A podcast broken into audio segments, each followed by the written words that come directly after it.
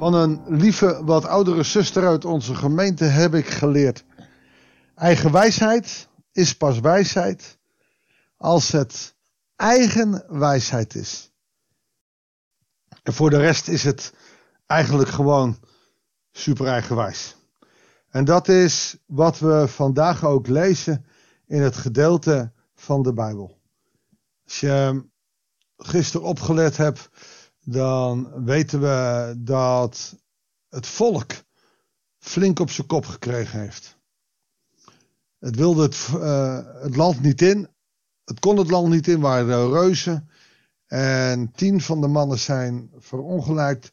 En de rest van het volk heeft te horen gekregen dat ze niet levend uit de woestijn zullen komen, behalve dan hun kinderen. En hoe dat verder gaat, dat horen we nu. Goeiedag, hartelijk welkom bij een nieuwe uitzending van het Bijbels Dagboek. De mannen die Mozes erop uitgestuurd had om het land te verkennen. En die na hun terugkeer het volk tot geklaag hadden aangezet door allerlei ongunstig, onsgunstigs over het land te vertellen. Die mannen stierven in de buurt van het heiligdom ten gevolge van een plaag. Omdat ze het land in een kwaad daglicht hadden gesteld. Twee van de verkenners van het land, echter Jozua, de zoon van Nun, en Caleb, de zoon van Jefun, bleven in leven. Toen Mozes de woorden van de Heer aan de Israëlieten overgebracht had, werd het volk diep bedroefd. Je bent bevrijd uit Egypte. Je hebt onder het tamboerijn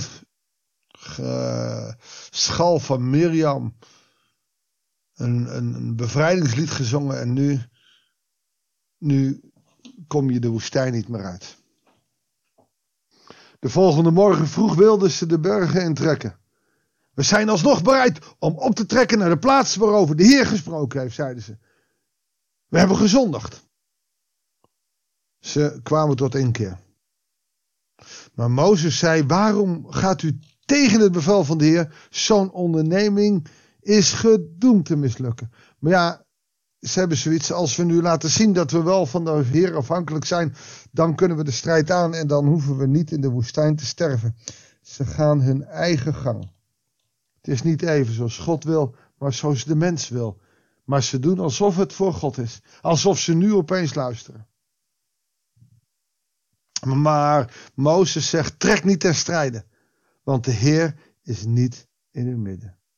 Doet we toch, dan zult u door de vijanden verslagen worden. Want u komt daar tegenover de Amalekieten en de Kanaanieten te staan en u zult in de strijd omkomen omdat u zich van de Heer hebt afgewend. En toch zijn ze eigenwijs, want ze denken dat ze dit voor God doen.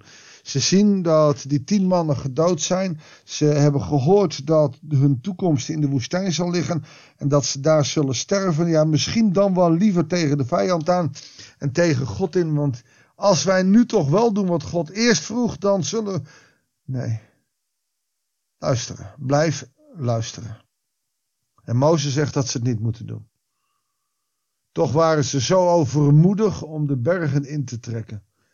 Hoewel de ark van het verbond met de Heer bij Mozes in het kamp bleef. De Amalekieten en de Kanaanieten, die daar in het bergland wonen, kwamen hun tegemoet, brachten hun een nederlaag toe en dreven hen terug tot Gorma. Wat een ongelooflijk drama. Eerst al die tien man. En nu? Nu een groot deel van het volk. Het volk dat eigenwijs is. Eerst gaan ze tegen de wil van God in. Dan wordt hij boos. Nou, dan gaan we het opeens wel doen. En dan bij wijze van spreken daarna zeggen, ja, het is ook nooit goed.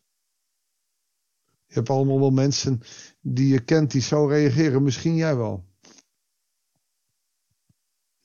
Nooit tegen Gods wil ingaan. Ook al is het tegenstrijdig met wat je geleerd hebt, als het echt Gods wil is. En Gods wil is tegenstrijdig. Je moet omdenken om Gods wil te ontdekken in je leven.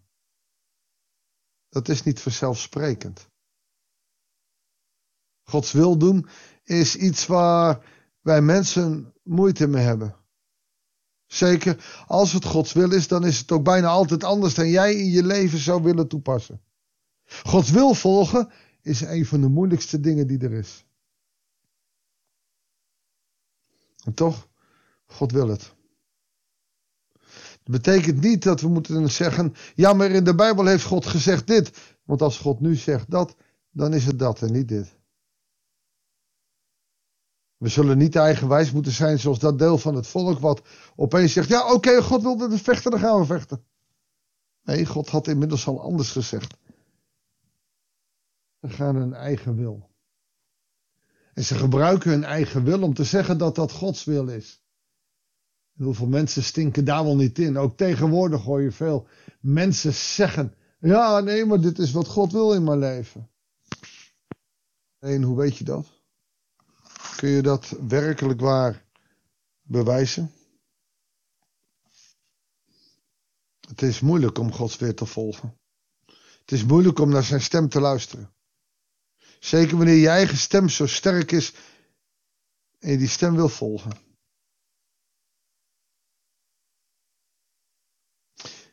Als God zegt, je gaat de woestijn weer in, dan ga je de woestijn in.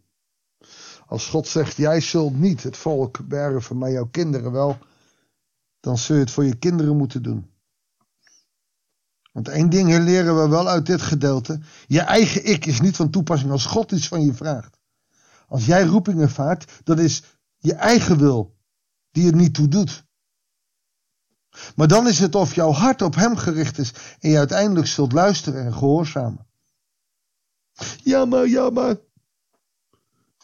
Zelfs de profetie die God uitspreekt over het volk, dat ze zullen sterven in de woestijn, dat hun lijken gevonden zullen worden in de woestijn. Zelfs dat is te verbidden bij God. God heeft al eerder laten weten dat het volk zal vernietigen en Mozes durft hem te verbidden. Waarom nu dan niet? En zelfs daar durven ze niet op te vertrouwen. Liever hun eigen ik dan de goddelijke status. En dat maakt het geloven soms zo ingewikkeld en lastig omdat onze eigen ik veel te veel in de weg zit. En je ziet dat het deel wat toch tegen Gods wil ingaat, uiteindelijk ook vernietigd wordt. Dat is verdrietig. Daarvoor ben je niet met het volk meegegaan. Daarvoor ben je niet op weg naar de bevrijding gegaan. We zitten in de lijdenstijd. Op weg naar het lijden van Christus voor jou en voor mij. Laat dat niet te vergeefs zijn. Zorg dat dat lijden wat gaat betekenen voor jou.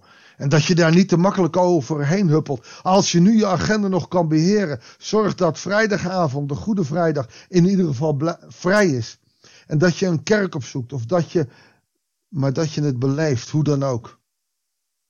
Dan alleen kan de vreugde van Pasen jou overmannen. Mag ik voor je bidden? Heere God, leer ons zo trouw te zijn aan wat u van ons wil. Ook al is de uitslag ervan niet altijd wat wij zouden willen. Leer ons zo uw wil te volgen. Heere God, en om uw wil te vinden, zullen we soms onder het kruis moeten gaan staan. Stil moeten gaan staan. De stilte opzoeken en en beseffen wat u deed voor ons. En dan eens kijken wat het met ons doet. En vanuit die nederigheid en die zachtmoedigheid uiteindelijk uw wilt. Heer, ga met ons mee, dat bidden we u. In Jezus' naam. Amen. Dankjewel voor het luisteren. Ik wens je God zegen en heel graag tot de volgende uitzending van het Bijbelsdagboek.